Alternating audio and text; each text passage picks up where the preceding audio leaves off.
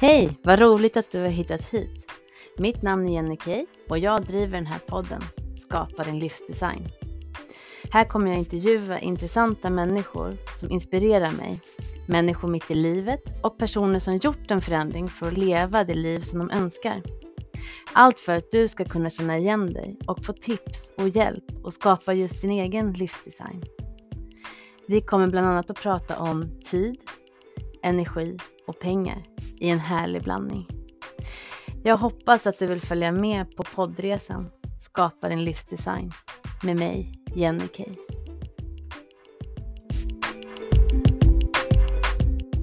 Dagens avsnitt sponsras av Minova coaching och mina coachingprogram. Är du nyfiken på vad ett coachingprogram kan ge dig? Gå då in på min hemsida minova.se för att läsa mer om mina tjänster. Där har du mina olika coachingprogram och eh, då kan du välja vad som passar dig. Så in och kika där på minova.se.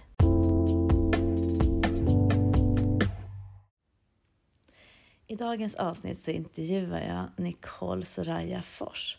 Hon flyttade från Storstockholm till Jämtland 2018 och startade en verksamhet med draghundar. Men 2020 hade hon en rad livskriser förutom corona som satte hennes företagande ehm, och livssituation på spel. Hon plockade fram sin svarta lilla bok och skissade på ett nytt eh, ben i sitt företag ehm, då det andra behövde sättas på paus en stund. Hon kom fram till vad som var viktigt för henne och vad som kunde ge henne energi. Det hon utgick från när hon skissade, det var vad mår hon bra av? Vad blev hon glad av? Och vad tycker hon är roligt? Så hon är idag även draghunds, eh, håller på med draghundsturismen idag igen. Hon startade om den verksamheten. Eh, men sen är hon även multipassionerad kreatör, hon är föreläsare och branding coach för andra multipassionerade småföretagare. Häng gärna med på det här avsnittet för det är väldigt spännande. Vi pratar högt och lågt om både företagandet, livet och kriser och hur man ska hantera det här och vad man ska göra för att hitta det man verkligen mår bra av. Så häng med på det här superhärliga avsnittet med Nicole Soraya Fors och mig. Hej Nicole! Vad roligt att jag får äran att ha dig som min poddgäst. Hej! Jättekul att få vara med. Jag tänkte vi börjar med den här lilla enkla frågan. Vem är du och vad brinner du för? Jag älskar att du säger att det är den enkla frågan. Eh, den enkla frågan. Eh, mitt namn är Nicole Soraya Fors eh, och även mest kanske känd som Nicole Soraya om man följer mig på mina kanaler. Och jag är vad jag brukar säga en multipassionerad soloföretagare som många gånger också titulerar mig som kreatör, föreläsare och personal branding coach för just multipassionerade soloföretag. Och eh, det innebär ju helt enkelt att jag är en människa med många ben, många strängar på min lyra och eh, det är väldigt viktigt för mig att få göra precis de saker jag känner för och har lust för och brinner för. Um, kanske ska berätta lite om vart jag finns. men, men jag bor i dagsläget uppe i norra, norra Jämtland, Strömsund, eh, ute i skogen med 13 hundar och en sambo. Um, mm. Och är inte härifrån från början utan jag flyttade upp till Norrland 2018.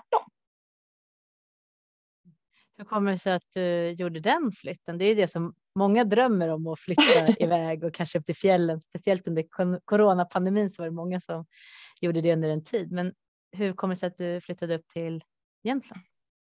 Just Jämtland, det var ju väldigt mycket för att jag håller på med draghundar. Ehm, så jag ville ju bo någonstans där det var snösäkert ehm, och innan jag flyttade upp bodde jag i Stockholm och vi vet ju alla som har varit i Stockholm under vintrarna att det är ju inte det mest ehm, fantastiska vinter, vinterpalatset direkt.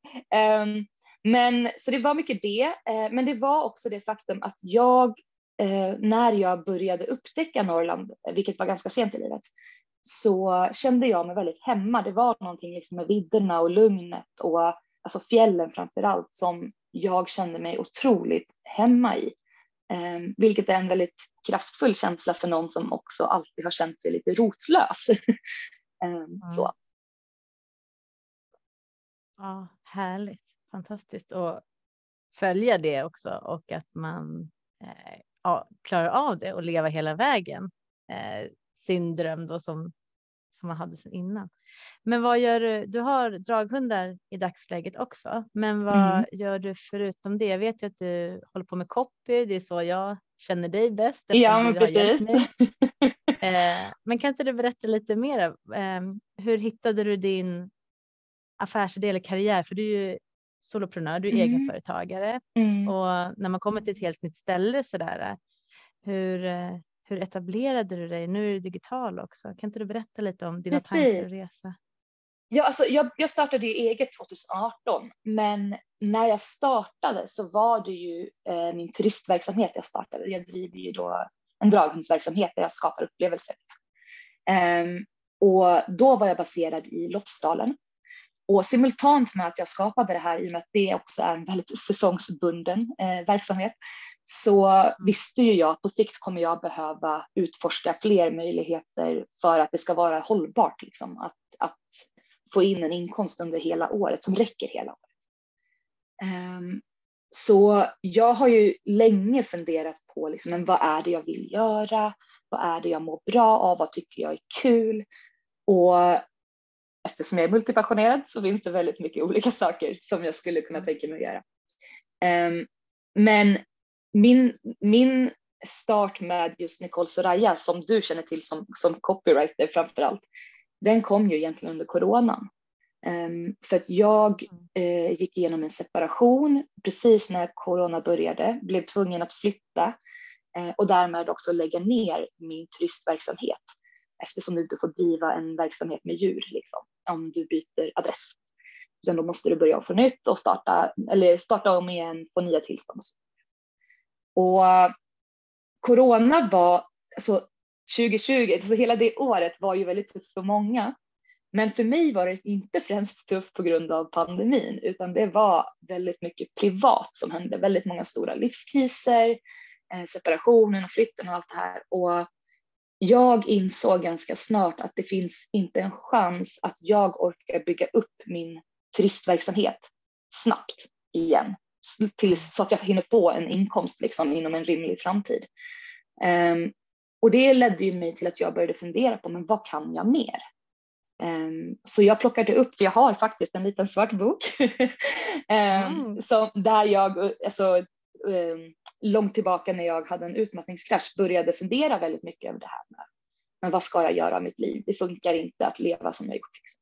Och där har jag skrivit upp liksom, alla saker jag tycker är kul, vad jag tyckte om att göra som barn, um, vad, vad jag känner ger mig energi och alla de här sakerna. Så jag plockade mm. fram den uh, och började titta liksom, vad, vad kan jag mer? Vad, vad tycker jag om att göra? Och det första jag uh, plockade upp var ju, jag är duktig på att skriva. Jag är väldigt duktig på att uttrycka mig och på att skriva. Um, och jag kände att det är också någonting som skulle fungera där jag var nu. Där jag var oetablerad, jag kände ingen.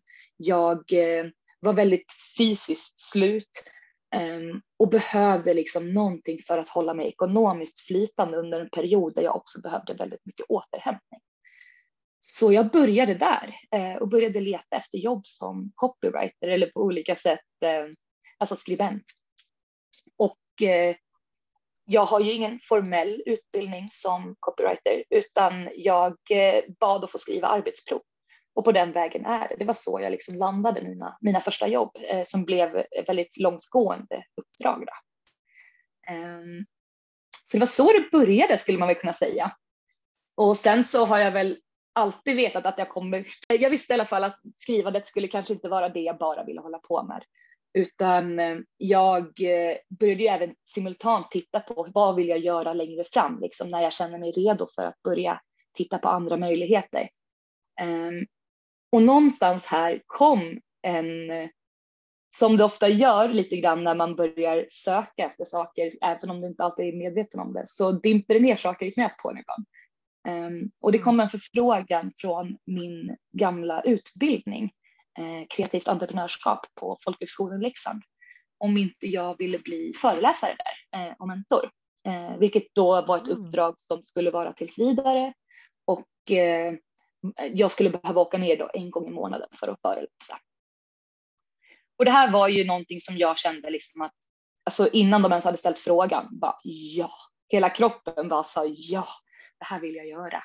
Um, för jag visste att jag, jag är, har gått lärarutbildningen tidigare, men jag visste att jag älskar att utbilda. Jag älskar att coacha, jag älskar att vara en del av utveckling och jag såg också hur jag plötsligt kunde använda alla mina talanger och faktiskt åstadkomma någonting liksom på en plats där jag verkligen trivdes och älskade. Liksom.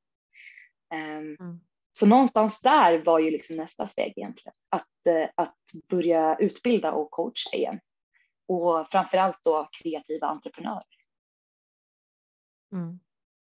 Drivs du mest av att hjälpa andra eller drivs du mest av att få skriva egna texter som är för, för dig? Förstår du? Oj, det var, ja, jag drivs mest av att få uttrycka mig.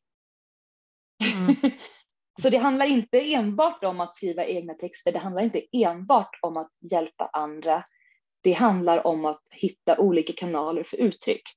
Um, jag tror alltid mm. att det är det som mest har um, drivit mig eh, tillsammans med, eh, jag, jag, drivs också väldigt mycket av utveckling, både att få vara en del av den, att själv få utvecklas och att se andra utvecklas, vare sig det är som människa eller deras företag. Och jag tror väl att det, det är det som också gör att jag till exempel skriver copy åt andra och så vidare. För det är ju för att jag får se deras företag och drömmar utvecklas. Mm. När du är eh, så multiportionerad som du är så kan det ju vara lätt att komma på nya idéer ganska ofta då som man också gärna vill följa efter. Är det någonting som du har fått lära dig att handskas med? För det första, har du det problemet eller? Ja, gud ja. Eh, jag brukar säga att jag har en riktig popcornhjärna. Ehm, jag har aldrig haft brist på idéer och affärsidéer. Jag skulle säkert kunna sälja dem och bli rik på bara det. Ehm, mm. Så absolut, jag har också det problemet. Ehm, och jag tror att många som kanske driver eget eller blir egenföretagare kan känna igen sig i det också, att man, det, det kanske också är ett skäl till varför man väljer att starta eget på många sätt. Mm. Men ja, en stor utmaning är givetvis att veta vad man ska fokusera på, för du kan inte springa på alla bollar eh, och göra det bra. Eh, för det finns ju liksom, det finns så många timmar på ett dygn, det finns en viss liksom, gräns för hur lång, stor din energi är och så vidare. Så en stor del är ju såklart att lära sig prioritera och, och verkligen eh, fråga sig själv vad det är jag egentligen vill göra. För många idéer kan ju kännas väldigt kul i stunden, men det betyder inte att det kanske är det jag skulle tycka var roligt i längden. Mm. Nej, för det märker jag också. Dels på mig själv. Jag har ju också hundra idéer, men mm. där gäller det att man får gå tillbaka till sig själv, att man fundera på, okej, okay, men i långa loppet, att man får tänka lite långsiktigt, det skulle vara jätteroligt just nu, men skulle det vara kul om, jag vet inte, ett år, två år och mm. går också kanske att tjäna pengar på det just ifall att man inte driver en hobby eller en ideell verksamhet. Nej. Det gäller ju att man får en inkomst också. Eh, sen gäller det också att förvalta, för det är det både jag själv kan ha svårt med det ibland, men även mina klienter har ju väldigt svårt här, att förvalta sina grejer som de verkligen är duktiga på, som mm. de kanske ville starta från början och så har de börjat fått det lite rull. Men nu börjar det bli lite det här ja, monotont och kanske att måste jag mm. hålla på med det här hela tiden. Även fast man kan göra från olika aspekter. Då börjar de hitta på någonting nytt, vilket då sätter lite företaget egentligen i gungning, speciellt ifall att man är egenföretagare, för då är det ju man själv som jobbar och du ska dra in pengar och börja med nya inriktningar eller nischer och sånt där, då är det ju så lätt också att man tappar sin gamla målgrupp mm. och behöver jobba på nytt. Så den här förvaltningen känner jag att är otroligt viktig och den, den kan ju också vara svår och när man driver eget. Hur känner du, mm. hur känner du med det? Du... Nej men absolut, jag, jag, är ju precis en sån person du pratar om egentligen. Alltså, ja. jag, och det, jag tänker att det är också en väldigt stor del av att vara en multipassionerad personlighetstyp det är ju det faktum att vi ofta ändrar riktning och det betyder inte att vi överger alltså, alla våra passioner eller det vi brinner för. Men ofta när vi känner att vi har bemästrat någonting så är det dags för oss för nya utmaningar. Liksom. Vi, man söker alltid efter det här som kan utveckla en lite mer. Um, för är det någonting som ofta är väldigt um, gemensamt för multipassionerade människor så är det att vi är utvecklingsjunkies, vi är kunskapsjunkies. Um, ehm, och man älskar att lära sig nya saker, man älskar att få verkligen uh, jobba med nya talanger och, och lära sig bemästra nya saker. Så det, var, det är ju precis det jag egentligen har gått igenom i höst när jag bestämde mig för att jag tycker inte längre att det är jättekul att bara skriva. Att bara vara virtuell assistent som jag liksom, och, och copywriter som jag liksom var i början. Um, för att det vart för trångt för mig, om man kan säga så. Det var, alltså utrymmet var lite för trångt för mig och jag kände liksom att ja, jag kan utvecklas här, absolut. Men jag behöver mer. Jag behöver fler saker som får mig att liksom, jag, jag behöver en större variation i, i mitt arbetsliv. Um, så jag var, gjorde ju faktiskt valet att eh, dels säga upp en av mina största klienter eh, som var eh, en trygg inkomstkälla, men som jag kände hade börjat ta mer energi än vad det gav. Um, och det handlade inte om klienten i sig utan bara det liksom, bara uppdraget. Um, för att istället börja utforska och utveckla um, min, alltså coachingdelen av, av min verksamhet. Där jag jobbar mycket mer med att hjälpa andra um, soloföretagare att också utvecklas och, och hitta sina liksom, olika lyror och, eller strängar på lyren och, och skapa ett företag och finna ett fokus i ett företag när de är multipassionerade. Um, och för mig är det en risk jag är villig att ta. Det, det är liksom, visst, mm. det kanske är några månader där det ekonomiskt blir lite liksom mindre tryggt. Men jag är villig att ta den risken för jag vet att jag mår bättre om jag får följa den lusten och känslan i mig. Um, men det är inte rätt för alla. Men vad är det du har lagt till då? Då har du digitalt eh, lagt till att du hjälper eh, personer mer att ni medan ni pratar och sånt också eller gör du själva bakgrundsjobbet och lämnar över att du sitter och jobbar själv? Eh, nej, utan det jag gör då om vi, om vi jag har ju copywriting-jobben och de här är liksom mer där jag skapar åt någon annan. Um, mm. Men det jag utvecklade då, det var ju egentligen ett coachingprogram, för jag upptäckte att många av mina klienter som jag skapade mycket åt, de hade ju också en önskan om att utvecklas. De hade ju också en önskan om att lära sig mer. Um, och de kom ofta till mig för rådgivning och coachning, uh, även fast jag inte sålde det. Um, så jag insåg att det finns ett behov, uppenbarligen. För att jag, de människor jag har jobbat med har ju också varit väldigt lika mig och även om de inte förstått att de varit multipassionerade har det i slutändan visat sig att det är precis det de är. Ehm, så jag utvecklade ett coachingprogram för just multipassionerade då, soloföretagare, framförallt kvinnliga, där jag hjälper dem att bygga upp sitt personliga varumärke så att de enklare ska kunna vara multipassionerade och omfamna liksom det det innebär. Men mm. inte förlora sin trovärdighet och ändå kunna behålla liksom sin kundkrets genom att de helt enkelt bygger starka relationer och ett starkt personligt varumärke. Um, och det är ju mm. precis så här jag själv jobbar egentligen. Jag, uh, jag jobbar ju med mitt personliga varumärke mest av allt. Um, och de kunder som kommer till mig, kanske kommer till mig första gången för, låt säga copy, Sen inser man när man lär känna mig att aha, men du gör inte bara det här och du kan inte bara det här, du kan, du kan mer saker.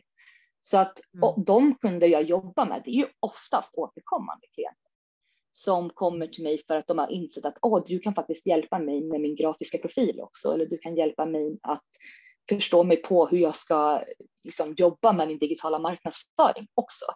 Um, så att på många sätt kan jag därför leverera helhetslösningar um, men jag väljer att också fortsätta hålla mina relationer varma med dem jag redan jobbar med för att jag tycker om att få ha de här nära klientrelationerna eh, istället för att hela tiden leta nya.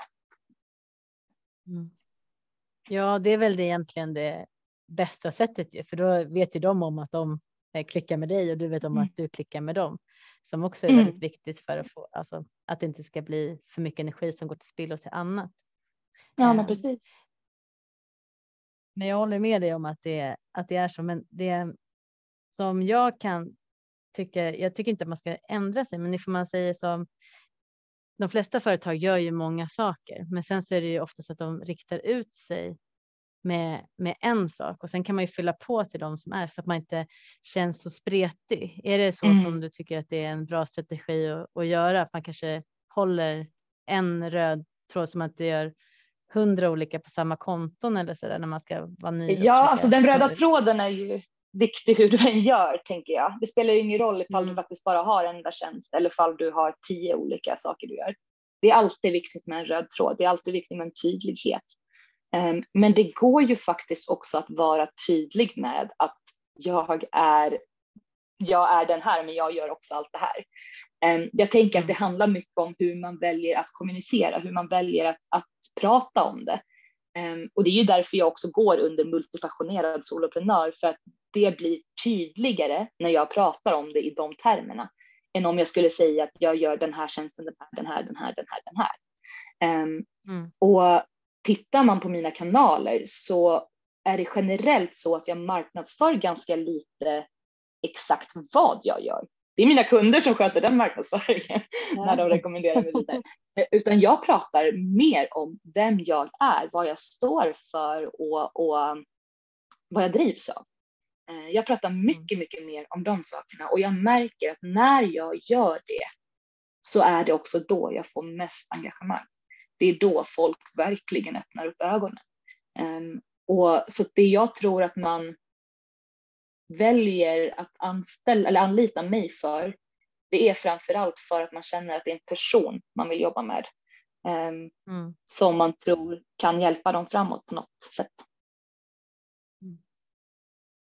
Tycker du att det, det är en av de stora tankevurporna kanske man gör som egenförare, entreprenör, när man försöker nå ut i bruset, att man kanske går för mycket på vad man erbjuder, alltså sina produkter, mer än Mm. kanske faktiska, ja men dels resultat och sen också att vem man är som person, att de bara får se någon typ av företagslogga Mm. istället för att du ser det bakom eller att man ska vara väldigt professionell. För så kände jag när jag startade mitt det här eh, bolaget med Nova coaching. Mm. Jag gör ju också flera saker. Jag är till och med en coworking i mitt bolag, så att jag, det är ju en helt annan sak. Men det har ändå röda tråden att jag vill ha alltså andra entreprenörer här och att jag vill ha ett stort nätverk. Jag vill jobba mycket business to business. Så det är ändå röda tråden i det. Ehm, Men det jag känner är att när jag startade med Nova coaching, för innan varit en delägare i ett stort familjeföretag, då var det ju att det var mig själv som jag sålde som produkt och då kände jag så här, Mm. okej, men när man är coach för att bli tagen på allvar, då måste man ju vara ganska stel, du måste vara professionell, eh, du måste vakta din tunga och så skriva på Mm. proper sätt. Och då hade jag så många hinder. Dels har jag dyslexi, vilket gör att ja, men jag kan inte stava och ibland så skriver jag saker som jag tror att jag skrivit så här. Men sen har jag hoppat över några ord och så du vet, skrivit någon mening ja, framför en annan, för då så har min hjärna funkat. Eftersom jag Mm. också är ja, hyperaktiv så är det att då tänker min hjärna flera steg fram.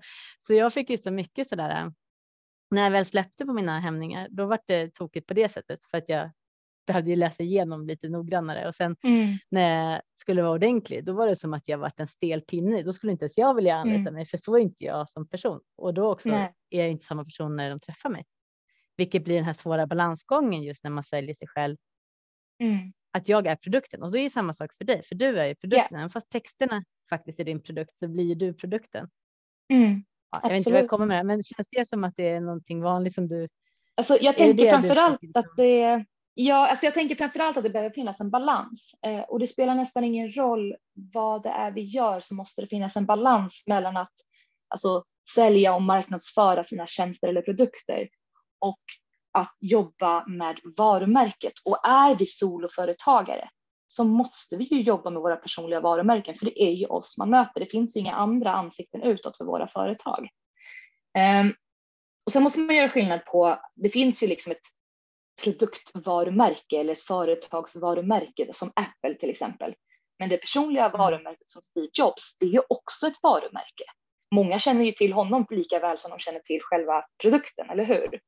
Ja. Och det är ju liksom egentligen det smartaste sättet att göra det på, det är ju att bygga upp varumärken för båda delar. Men det som är lätt att glömma, det är att vi säljer till män människor och människor connectar med människor. Människor connectar inte med en produkt, de, de connectar med andra levande varelser. Um, och vill vi då verkligen skapa starka kundrelationer, vill vi skapa ett starkt personligt varumärke och vill vi framförallt att de ska vilja anlita oss som personer, då måste vi visa vilka vi är. För hur ska vi annars skapa en relation? Vi, vi måste våga bjuda in till vilka vi faktiskt är och jag tänker att det är så förlegat på många sätt att tänka som, som i ditt fall nu när du, när du tar upp coachexemplet är att en coach ska vara stel och korrekt och formell och de här bitarna. Och mm. jag förstår precis det tänket för jag möter det ganska ofta. Men jag tänker också att snacka om att göra sig själv en otjänst om det verkligen inte är så man är. För det betyder att du tvingar dig själv att leva bakom en fasad. Som, och du vet att det inte är du, så det kommer inte kännas riktigt naturligt eller hemma för dig. Men jag är också väldigt övertygad om att man inte lurar någon egentligen, utan att den dagen någon tar kontakt med dig, då är det ju du som kommer skina igenom. Och varför ska mm. du inte göra det? För det är ju någonstans dig man vill anlita, eller hur? Förhoppningsvis. Eh, det är det. Jag, jag är väldigt, väldigt öppen med vem jag är, både med det som är liksom positivt och fantastiskt med mig, men också det som inte är så tillrättalagt och du vet de här ros rosenskimrande fasaderna och så vidare. För jag tror att vi kan skapa en mycket skönare business och mycket skönare eh, klientrelationer om vi faktiskt bara är oss själva. Um, och, och jag, för mig är det viktigt också att jobba för en sån företagarmiljö där vi faktiskt får vara människor och, och där det finns plats för människan där det finns plats för att inte vara perfekt och där det inte måste vara stelt och formellt utan alla ska kunna få plats oavsett om man inte känner att det är den personen jag är. Ehm, ja, för mig är det jätteviktigt. Så hur hjälper du dina klienter med att komma runt det? Alltså mycket, första steget är ofta att börja identifiera vad det är för sanningar, alltså ja, inom citationstecken som de går runt och mm. bär på som egentligen är begränsande. Till exempel som att ja, men ska jag vara coach måste jag vara korrekt och formell. Ehm, mm. eller, eller som att jag, i mitt fall med många av mina klienter som inte alltid vet att de är multipassionerade förrän de pratar med mig. Um, att de är spretiga, ofokuserade, ansvarslösa. Uh, alla de här typen av epitet som vi har fått när vi växt upp av vår omvärld, av samhället, för att vi inte riktigt passar in i mallen och för att vi inte har så mm. lätt för att bara rätta in oss i ledet. Ehm, det första steget är ju att någonstans börja titta på det här och titta på, men vad är det jag begränsar mig själv med? Ehm, och vad kan jag byta ut det mot som faktiskt är mer sant och som är konstruktivt istället? Ehm, mm. Och, och, nästa steg är ju att börja titta på vem är du egentligen? Vad står du för egentligen? Vad gör du det här för? Vad vill du? Alltså att verkligen utgå från eh, människan eh, och, och djupdyka i vem du faktiskt är du är. För det är först när du vet vem du är och vad du står för som vi kan jobba med ett personligt varumärke som är autentiskt och, och känns genuint och verkligen når fram till människan på andra sidan skärmen. Mm. Det är också eh, antar jag att du har en utmaning med att verkligen gräva fram det där, att du måste locka fram det hos dina klienter. För så är det ju för mig också när jag coachar i, alltså även i vardagsliv. Jag coachar både business men även för privatpersoner. Mm. Och då ibland när det har varit mycket ja, men stress och så påtagligt, kanske har varit supermycket på jobbet, så helt plötsligt blir man lite frilagd. Då vet man inte vem man själv är, för du har inte känt efter mm. så mycket. samma sak ifall att du driver ett bolag så har du liksom försökt att passa in i den här mallen som du har satt upp som egen sanning av ditt gamla bagage. Då är det ju också svårt att veta, okej, okay, men hur mm. vill jag vara då? Hur, hur är jag? Och mm. det krävs en hel del alltså, energi och bra ställda öppna frågor för att ja. nå fram. Ja, och det, och det är ju just det här med att ändra på ett perspektiv och på ett mönster som sitter väldigt hårt inrutat. Det är klart att det tar tid mm. och jag kan ju inte leverera så här, den färdiga lösningen på allting åt dem. Det jag kan göra är ju egentligen att putta dem i rätt riktning och ge dem verktygen de själva behöver för att kunna göra jobbet, för att börja ändra sina egna perspektiv och börja ställa sig själv de här frågorna de kanske aldrig har ställt förut. Um, och, och därigenom hjälpa dem att nå den transformationen de söker. Men jag kan ju inte göra det åt dem. Det, är, det är alltid lite det kanske som är eh, svårigheten men också det fina med coaching, eh, tänker jag. Mm. Att vi, I slutändan är det alltid upp till, till personen. Um, och den behöver ju vilja alltså, titta sig själv i spegeln och ställa sig de här frågorna och, och gräva i sig själv. Um, för annars, mm. annars kommer det ju aldrig funka. Liksom. Ja, precis det där egna ansvaret att det är bara man, en själv man kan. Förändra mm. på egentligen och sen så som du säger när man säger saker och ting högt då kommer kanske rätt klienter och du hittar det du vill um, mm. också. Um, ja. Nej, det, är, det är häftigt, men då guidar du dem eh, framåt helt enkelt i deras, ja. i deras resa. Ja, och sen så upplever jag att jag, i och med att jag också har ett gruppcoachingformat i en väldigt liten grupp eh, så har de ju också varandra som man hela tiden kan spegla sig mot och jag upplever att det har varit väldigt värdefullt. Eh, för det är också, helt plötsligt blir det mycket lättare att synliggöra de här sakerna som, som att de själva säger, men jag vet inte om jag har en röst eller liksom vad, vad, alltså så här, vadå, jag, jag är väl ingen speciell. Men för att man sitter med en grupp och, och vi andra faktiskt ser de här sakerna som, men du, har inte, alltså, ser du inte det här med dig själv? Eh, och det blir mm. på något sätt ännu mer impactful eh, när det inte bara kommer från mig som de har betalat, liksom, utan faktiskt också från, från gruppkamraterna som eh, själva egentligen på många sätt är med och skapar eh, utvecklingen. Liksom. Mm. Och sen kan jag tänka mig också att det är väldigt skönt att känna att man inte är ensam. För mm det är så lätt att tro med alla typer av problem eller svårigheter, utmaningar, oavsett om det är företag eller privat, så tror man att man är ganska ensam om det. Att det är ett unikt problem för en själv. Och så öppnar man upp och då har alla ungefär samma typ av problem som man stångas med mm. eller utmaningar som man stångas med. Men eh, så länge man inte ventilerar då kan man inte heller få hjälp. Det är det som jag tycker Nej. är så fint med sådana här nätverk som det här blir. Ja. Ett, ett nätverk där man kan liksom verkligen lyfta saker och inte behöva gömma sig eh, bakom en ridå eller fasad och försöka klura ut allting själv. Precis. precis. Mm. Men har din, du, du har ju bytt karriärssteg eh, då från att eh, hålla på med turistverksamheten till digitalt eh, hjälpa andra och mm. att du hjälper även på den här eh, utbildningen för mm. kreativa entreprenörer. Eh, vad känner du att är eh, svårigheten liksom när du, när du gick och blev helt digital? Vad är det du har liksom för tips och råd till andra som kanske vill också bryta sig loss och ändra riktning? Mm. För du, det är ändå ganska stora riktningsförändringar du har gjort. Ja, eh, för mig är det ju väldigt naturligt att göra sådana här riktningsförändringar så att jag gör dem ju per automatik på många sätt. Det är bara så jag fungerar. Liksom. Ehm, och sen så, jag, jag har ju min turistverksamhet fortfarande, men jag har den bara i mindre skala. Jag har startat om den liksom, men i mindre skala. Ehm, och som du säger, jag gick över från att jobba digitalt, men för mig har ju det bara varit positivt. Ehm, för att jag är också en högkänslig människa. Jag har haft utmattningar i bagaget. Och med, varje utmattning blir jag ju ännu mer högkänslig. Liksom. Um, och det mm. har ju också lett till att jag har insett att jag behöver långa perioder där jag inte träffar folk face to face. Alltså att sitta digitalt tar inte lika mycket på mig. Um, så det har verkligen bara varit positivt. Men det jag tänker är om man själv vill göra en riktningsförändring, eh, det är ju att gå tillbaka till liksom, vad, vad är det jag egentligen vill? Eh, och vad är det jag har för behov framför allt? Eh, för det är ju det på många sätt jag har byggt mitt företag runt. Det är vad har jag för behov? Alltså de här behoven som jag faktiskt inte kan kompromissa med för att må bra.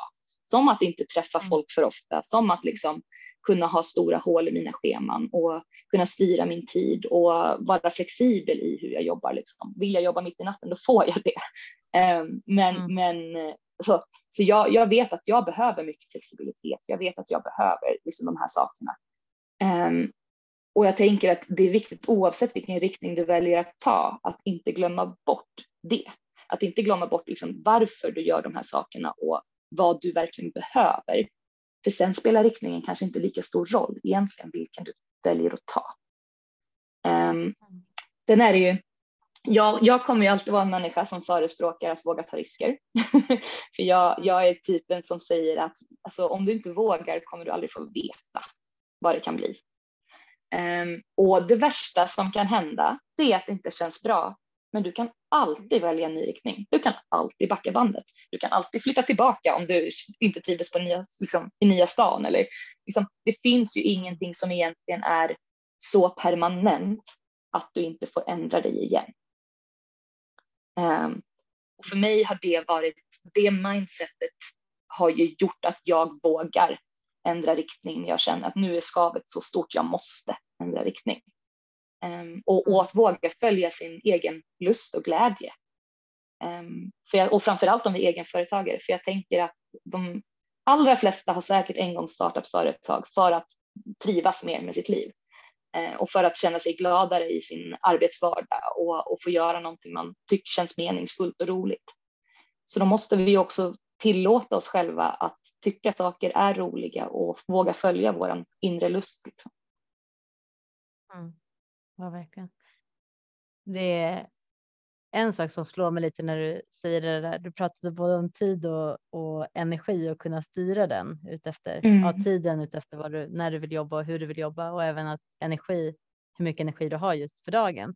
Men det som jag möter många också, det är att när de blir egenföretagare, även ifall att det går bra så att de inte behöver jobba alltså dygnet runt så är det på något mm. sätt som att kutym att de ska i alla fall jobba arbetstiderna. Mm. Alltså då menar jag yeah. arbetstiderna som, eh, ja jag vet inte, staten. Ja, men normala arbetstider.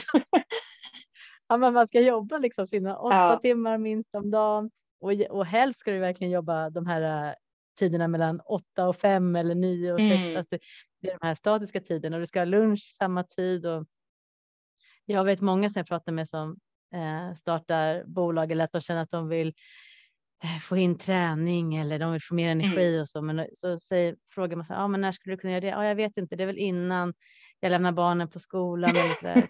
Då känner jag så här, men du kan ju, du kan ju verkligen styra helt, helt själv. Mm. Så när skulle, om du skulle kunna ha vilken tid som helst på dygnet. Och då säger jag, ah, men efter lunch någonstans skulle det vara härligt if man skulle kunna få till det. Och då undrar man så här, men varför gör man inte det för? Men det är ju också mm. för att de har inte haft den tanken. Alltså den tanken har inte slagit dem Nej. att de kan göra det, utan de är så styrda från skoltiden redan att man ska, ja. man ska vara där när det är eh, de här arbetstimmarna och samma sak när de blir egen företagare. Så även fast det är för att de vill leva ett friare liv så låser de in sig själv också med de här mm. som du säger med valda sanningar och att de inte vill känna ah, men jag kan inte bara gå och träna mitt på dem. Vad ska folk tycka och tänka? Och så. Nej, men jag, du har helt rätt. Ja, och, och jag vet ju själv, jag kan ju också falla dit även fast jag tycker att det är helt åt skogen. Liksom. Det var ju en stor anledning till varför jag ville vara egen. Det är för att jag, jag, tror inte på det samhället vi har byggt när det kommer till att liksom alla ska stöpas i samma form. Alla ska liksom funka samma tider på dygnet och så vidare. Jag, jag tror verkligen inte på att det funkar. Um, jag tror inte att det är bra för oss. Liksom. Um, det funkar för vissa, absolut, men inte för alla. Och det är så roligt att det är så roligt att du säger också, för det här är precis det samtal jag har haft med så många människor bara senaste veckorna. Um, hur otroligt formade in i liksom verkligen djupet vi är av att vi har växt upp i den här typen av samhälle där det är liksom väldigt tydliga normer på när man jobbar och inte och så vidare. Um, vi, som du säger, vi, det börjar redan i skolan med att vi indoktrineras med det och formas till att alla ska fungera på det här sättet och jag tänker ju på många sätt att det ligger ju kvar, alltså det är förlegat, det ligger ju kvar från en tid då alla jobbade på fabriken eller vad det nu kunde vara. Mm. Um, så ser det ju inte ut idag. Uh, det, det, är inte så, det är inte vår verklighet. Um, och jag tänker att på många sätt skulle till exempel skolsystemet behöva någon jättereform i, i det liksom väldigt trånga sättet att se på, på människan och, och våra liksom, kommande arbetsliv. Um, men, men det är det som också är det fina med att vara egen, just som du säger, att vi får faktiskt välja. Vi får faktiskt mm. alltså, skapa en vardag, ett arbetsschema som passar oss. Eh, och i mitt fall så är det verkligen inte 7 till 16. eh, det, det, är liksom, det är så långt ifrån min, min liksom naturliga rytm man kan komma. Eh, mm. Så att eh, ja, men, men ja, det, ibland faller man dit ändå. Ehm, och jag tror att det bara handlar om lite som när du ska jobba bort ett, ett destruktivt beteende som att jag vet inte, men du vet som när man går i terapi i vanliga fall. Eh, jag tror att det är så typiskt det här med att är man inte i balans, är man inte med i huvudet och liksom medveten kring vad man gör så faller man lätt dit. Eh, för att mm. det kräver, det, det, det är en så pass inrotad vana att det kräver ganska stor energi och medvetenhet för att bryta sig ur den och fortsätta leva efter den. Ehm, men det är alltid lätt att få återfall om vi säger. Jo, men det är ju det och, och som jag som har barn också, då är ju en sak är ju statiskt. Det är ju just att de ska gå i skolan, mm. vilket gör att då är i alla fall de där. Så ifall att jag ska göra någonting där barnen inte kan vara närvarande eller att jag inte vill drabba, då måste jag göra det under mm. skoltid. Annars så får jag göra det ja, när de är hemma då, men då kanske mm. inte alltid lika enkelt att, att finna fokus. Så där får man också liksom spela med hur, hur ens liv ser ut. Men å andra sidan så kan jag jobba superfokuserat och bränna av kanske två timmar, vilket jag skulle gjort på ifall jag jobbar på en anställning eller på en arbetsplats där det är mycket folk runt omkring som stör och frågar saker hela tiden. Det kanske skulle tagit ja, men fem timmar och då får man mm, också se exakt. på vad är utfallet av min prestation? För det är egentligen därför mm. vi jobbar för att komma, komma framåt med det vi gör. Inte för ja. att sitta av tid som en stämpelklocka.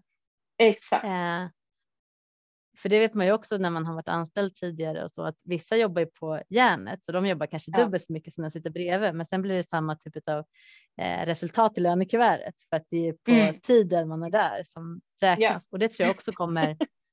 det är vi nog inne i ett skifte där också att det kommer mm. förändras eh, med när allting blir mer digitalt och det går mer att spåra på vad faktiskt mm. vad folk eh, gör och hur lång tid vissa saker ska eh, få ta och så mm. tror jag att det kommer och man kanske kommer jobba mer som konsultbasis för det är ju mm. relativt dyrt att ha anställda eh, och det är mm. billigare kanske betala per timme som och faktiskt vad man får i en leverans istället för ja. en anställd. Så det finns ju plus och minus med allt det där, men jag skulle tro att vi kommer gå mer och mer mot det. Ja, det hållet. jag tror att jag tror att pandemin har ju varit en riktig ögonöppnare, inte bara för privatpersonen, men också för många företag mm. just på det här sättet. Liksom. Um, och också då som vi ser väldigt tydligt med tanke på hur många som faktiskt startat eget under eller efter pandemin här. Eh, vilken ögonöppnare det har varit för oss att det faktiskt finns ett annat sätt att göra saker på. Eh, och det finns ett mm. annat sätt vi kan må bra av som vi mår bättre av. Där vi får leva mer i enlighet med de vi är och i enlighet med de saker vi står för och vill göra med våra liv.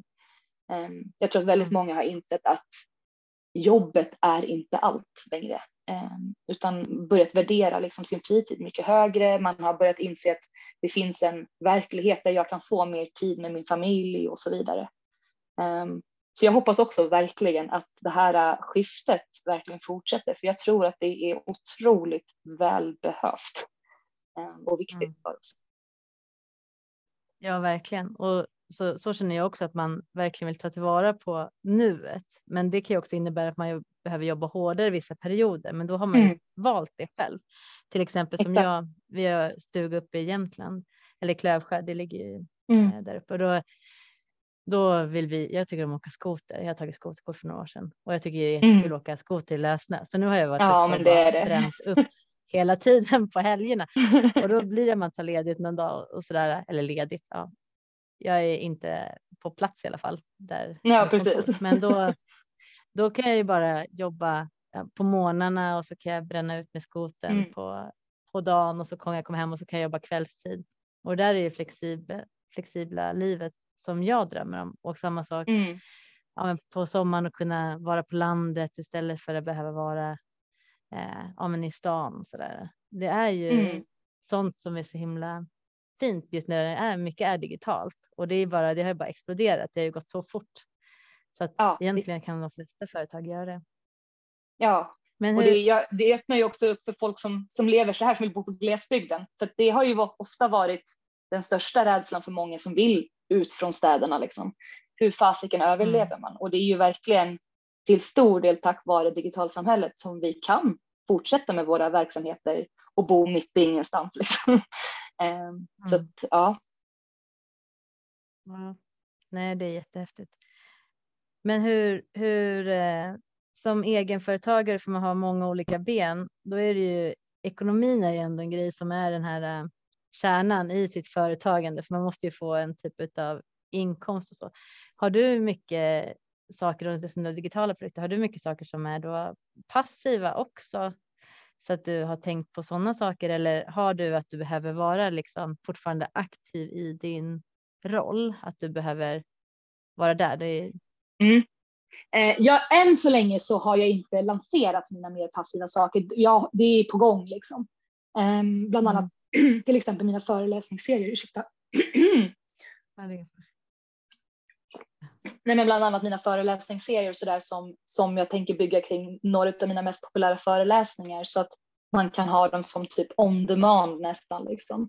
Så att jag har, jag har mycket idéer, jag har eh, helt klart Ehm, en målbild av att ha fler passiva inkomster. Men det är ju också den här sträckan med att ta sig dit och det, då är det ju också, alltså, det många kanske missförstår med en passiv inkomst, det är ju att ja, den är passiv när du har gjort allt jobb. Så mm. först måste vi ju också göra allt jobb innan den blir passiv. Liksom. Um, och jag alltså, är i fasen där jag gör allt jobb. Ja, ja. Eh, och just nu är jag verkligen i fasen där jag gör allt jobb liksom. Men däremot så har jag ju börjat gå från att kanske mer sälja mina timmar till att mer paketera det så att jag säljer min kunskap eller sådär. Eh, för att jag gjorde misstaget som så många andra i början att jag, eh, ja men du vet man, man baserar det på timmar när man jobbar, eh, vilket ju går egentligen emot det man vill göra om man, om man verkligen eh, vill frigöra sin tid. Um, ja. Och jag är ju precis den här personen du pratade om förut, den här som jag kan få en hel arbetsdags jobb gjort på två timmar om jag är på rätt humör och har flow. Mm. Då blir det ju väldigt fel att, att alla betalar samma för fyra timmar till exempel. Eftersom, alltså, så. Um, mm. så det har varit en stor grej i mitt, mitt företagande där jag är nu under en förändringsperiod där jag paketerar om mina tjänster. Um, för att jag inser att det inte är hållbart att sälja timmar. Eh, det funkar liksom. Men det, ja, men det tror jag faktiskt är väldigt bra, för vi hade ju det här snacket också, eh, mm. du och jag, på men okej, okay, för det blir svårt för kunder att veta om det inte är så att du sitter som ifall jag säljer coachingtimmar, då får mm. ju den personen den tiden som är. Sen är det förarbete och efterarbete, det ser inte kunden, men det är i mitt pris. Och när de frågar, okej, okay, men det, hur mycket, hur kan det kosta så här mycket då? Om de tycker att det är dyrt, mm. då är det ju för att ja, men för att jag ska kunna vara en bra coach, då kommer jag behöva förbereda mig innan och jag behöver sortera efter så att du mm. ska få en så bra alltså, avslut på det här också. Och oftast, jag säljer väldigt sällan, då ska det vara en specifik grej som de vill ha hjälp med, någon mm. strategiplaner eller sånt. Då kan jag sälja en gång, men annars så gör inte jag det, utan jag säljer en längre period och då blir det också, mm. då måste jag ju sortera efter vi har haft vårt samtal så måste jag ju sortera, skriva ner anteckningar mm. för att sen komma ihåg det till nästa gång. För man kan tänka sig, ja, men det är klart man kommer ihåg, men det gör man ju inte för att man har ju flera klienter och man mm. ja, kommer inte ihåg allt. Så jag måste ju punkta vad som är viktigt för att komma tillbaka till nästa gång att jag är på rätt ställe. Och också blir det svårt om det inte är så att du säljer tiden som du sitter på plats. Då är det svårt för mm. kunden. Mm. Så när du och jag pratade med eh, och har hjälp som, som jag får, kommer få till dig nu, då är det ju också att om du skriver säger så här, men jag hjälper dig med koppel till en hemsida, ja, men då vet ju jag. Ja, men det är hemsidan det är resultat. Till. Ja, men om det är så här, ja, men fem timmar eller så här, så då bestämde vi ju ord och hur många eh, ja, ferier. Typ, så här.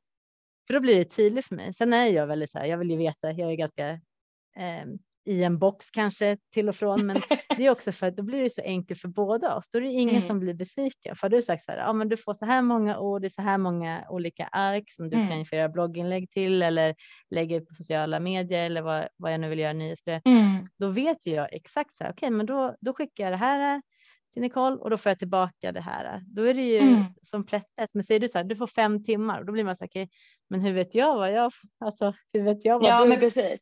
och det här är ju, på fem timmar? Ja, precis. Och det här är ju så olika också beroende på vad man, vad man söker för hjälpslag. Men det, mm. eh, eh, virtuell assistent eh, branschen har ju ofta byggt, den är ju ganska uppbyggd så på att ja, men det är fem timmar, tio timmar, femton timmar som man köper. Liksom. Mm. Eh, men det kan ju också såklart bero på vad det är för olika typer av arbetsuppgifter man söker hjälp för.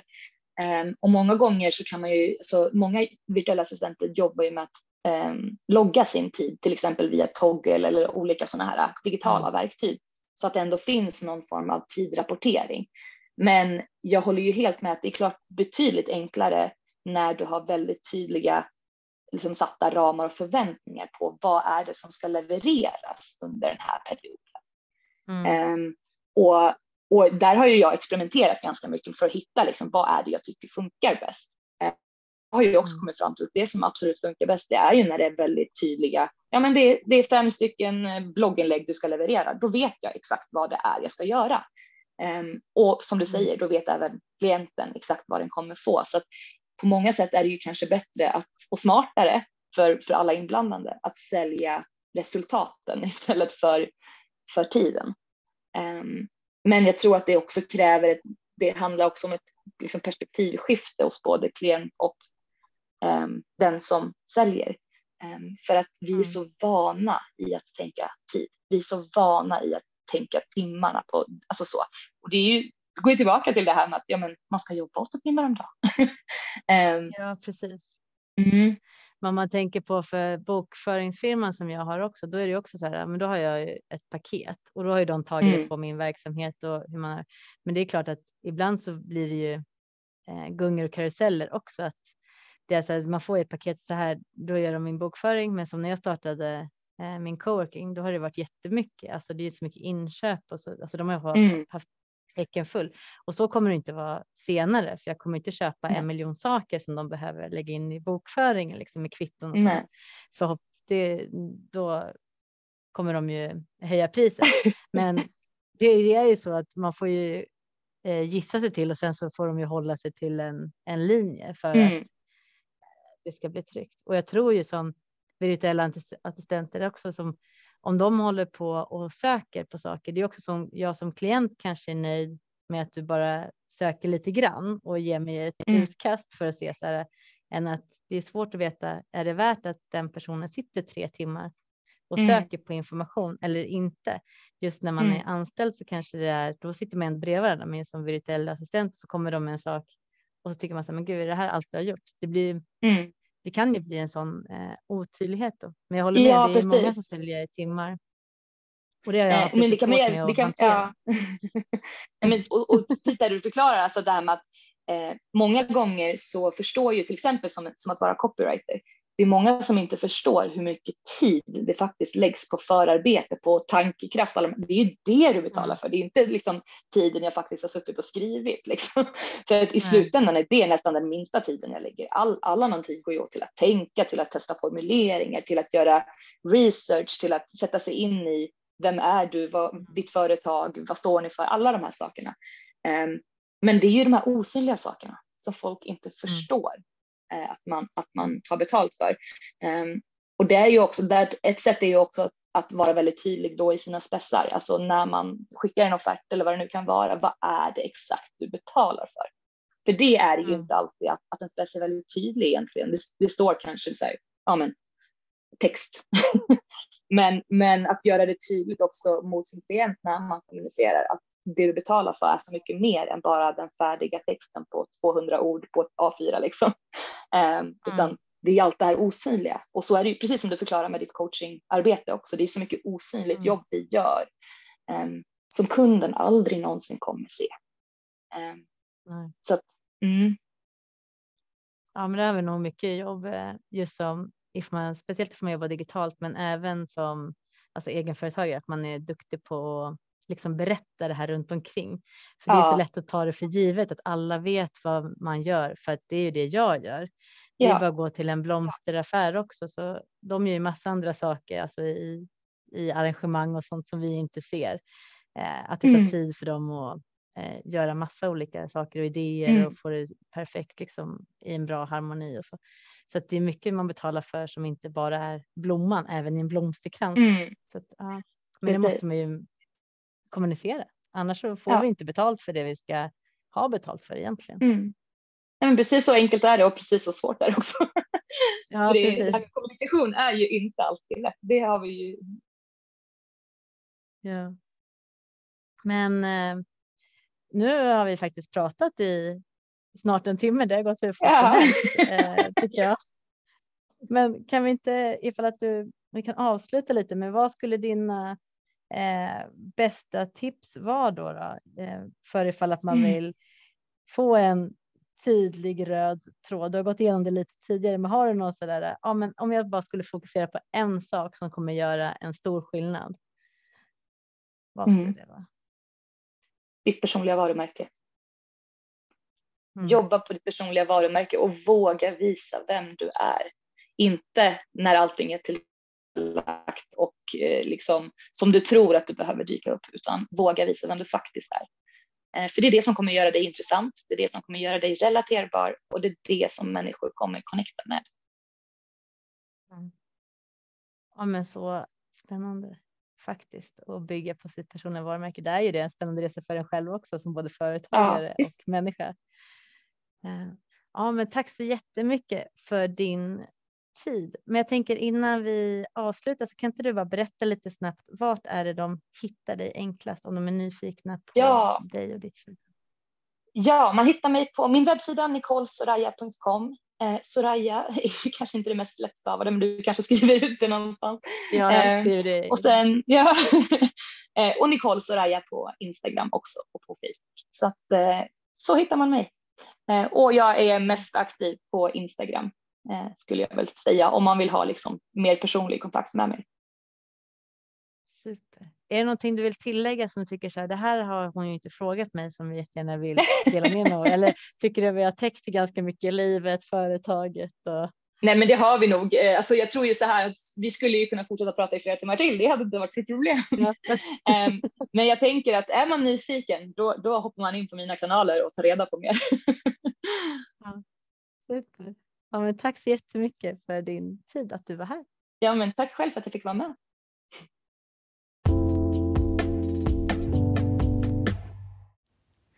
Tack så mycket för att ni lyssnade på det här äh, avsnittet.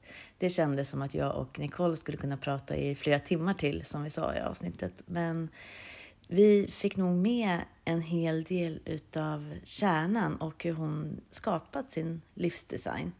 Ehm, och jag tycker att det är så häftigt att se att eh, man vågar följa sin dröm, man kan skruva på den, man märker att okej, okay, men den här verksamheten är ju säsongsbetonad, hur kan jag göra för att fylla ut mina glapp på de månaderna där jag inte har något jobb med just det?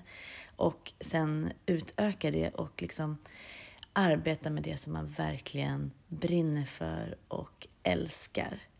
Eh, det är häftigt att se att man vågar ta steget och följa sin dröm. Och även, hon flyttade från Storstockholm också till eh, fjällen som hon hade längtat efter och hittade liksom sin plats här på jorden, vilket är fantastiskt. Så vill du in och följa henne så har jag lagt i avsnittsbeskrivningen hennes eh, länkar till både Instagram och till hennes hemsida. Så gå in och kika lite där. Eh. Och eh, sen så vill jag utmana dig att skriv ner. Ta en liten svart bok du också. Skriv ner. Vad är det du gillade som liten? Vad gör dig glad? Vad tycker du är roligt? Och vad mår du bra av? Och så går du ut och skapar din egen livsdesign. Ha det så gott!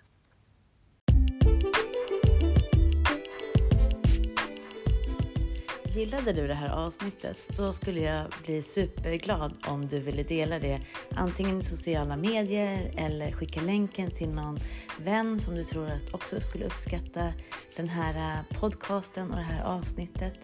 Jag skulle även bli superglad om du gick in i där du lyssnar på podcast och ger några stjärnor för podden, vad du tycker att den är värd. För ju mera Eh, recensioner jag får, antingen utav stjärnor eller gärna en text också, men stjärnor är supertacksamt om du vill göra. Då kommer jag nå ut till fler och kan hjälpa mer att gå ut och skapa sin egen livsdesign. Jag vill även skicka med att eh, jag har ett retreat som går av stapeln den 28 mars till den 1 maj. Så att om du är sugen på att skapa din livsdesign och även eh, göra lite skogsbad och eh, träna lite och äta härliga middagar i en liten sluten grupp, då tycker jag att du ska gå in på min hemsida minova.se så går du in på retreats och event och läser mera. Så hoppas jag att du också vill följa med på den resan. Ha det så gott, hej!